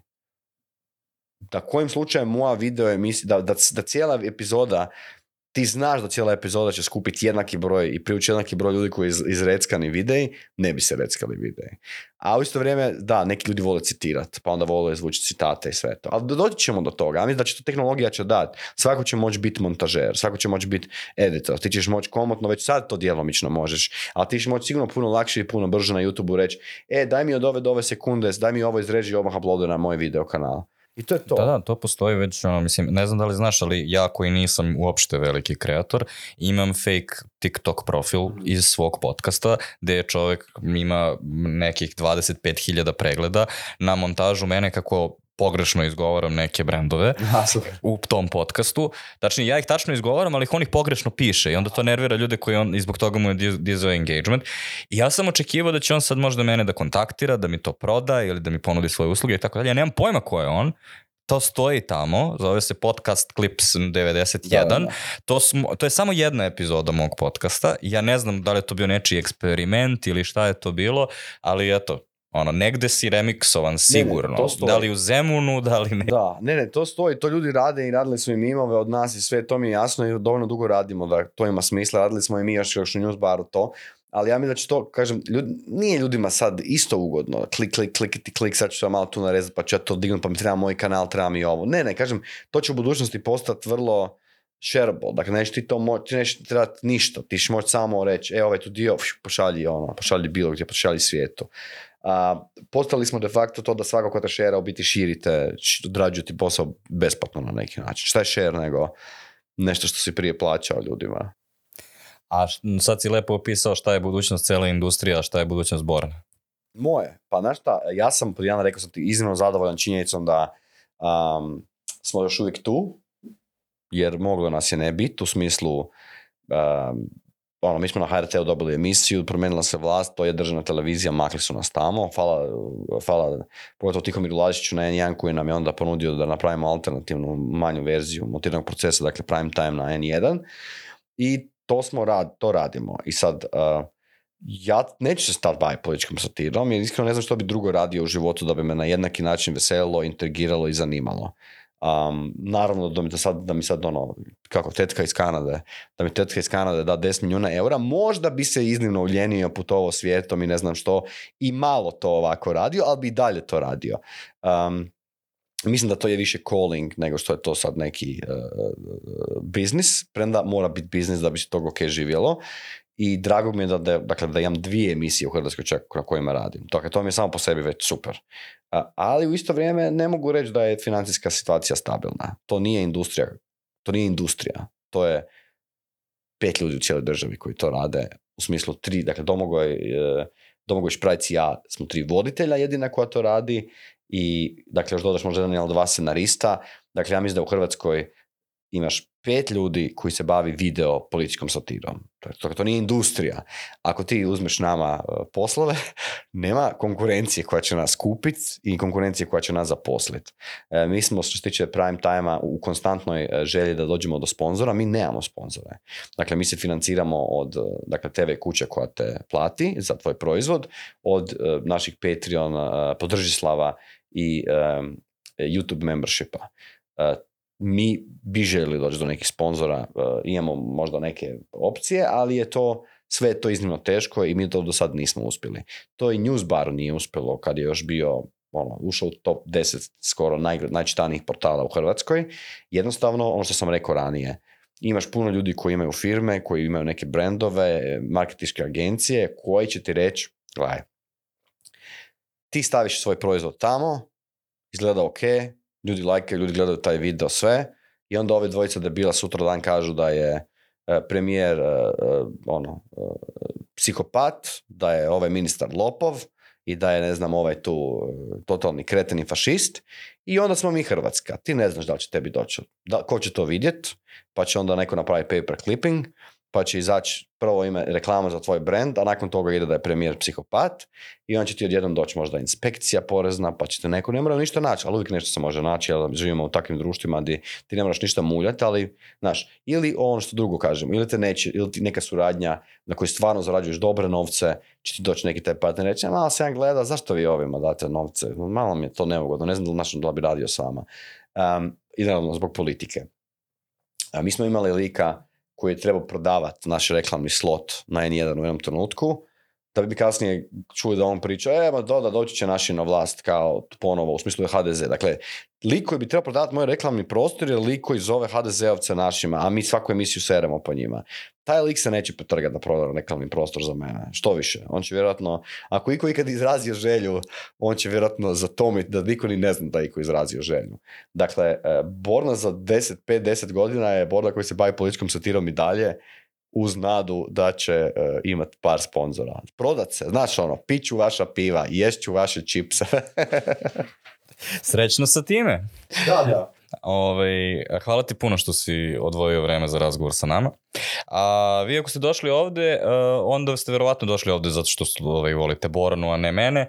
A, tako da zdravo, ja sam Goran i mi smo neki e, podcast e, iz Srbije i generalno ono što volimo je da umjesto da pričamo životnu priču gosta, odnosno umjesto da ja pričam sa Boranom o tome kako je on postao satiričar, da otvorimo neku temu koja je bitna u tom domenu kojim se neko bavi. Tako da možete da proberete našu YouTube playlistu koja se zove Žiška o kulturi, pa možete da vidite neke stvari o kojima smo pričali ovde danas, kao što je šta, kako to izgleda kada neko govori ono što ne misli ili kako se pretvara da je nešto što nije. Pa vam preporučujem recimo epizodu koja se zove Kayfabe ili epizodu koja se zove Hate Watching. Želim vam do slušanja, pošto podcaste niko ne gleda. Ajde sad ispravamo par stvari. Ajde. bukvalno reći svojim najobičnim glasom, polako, normalno. Žiška podcast. Vi slušate Žiška podcast.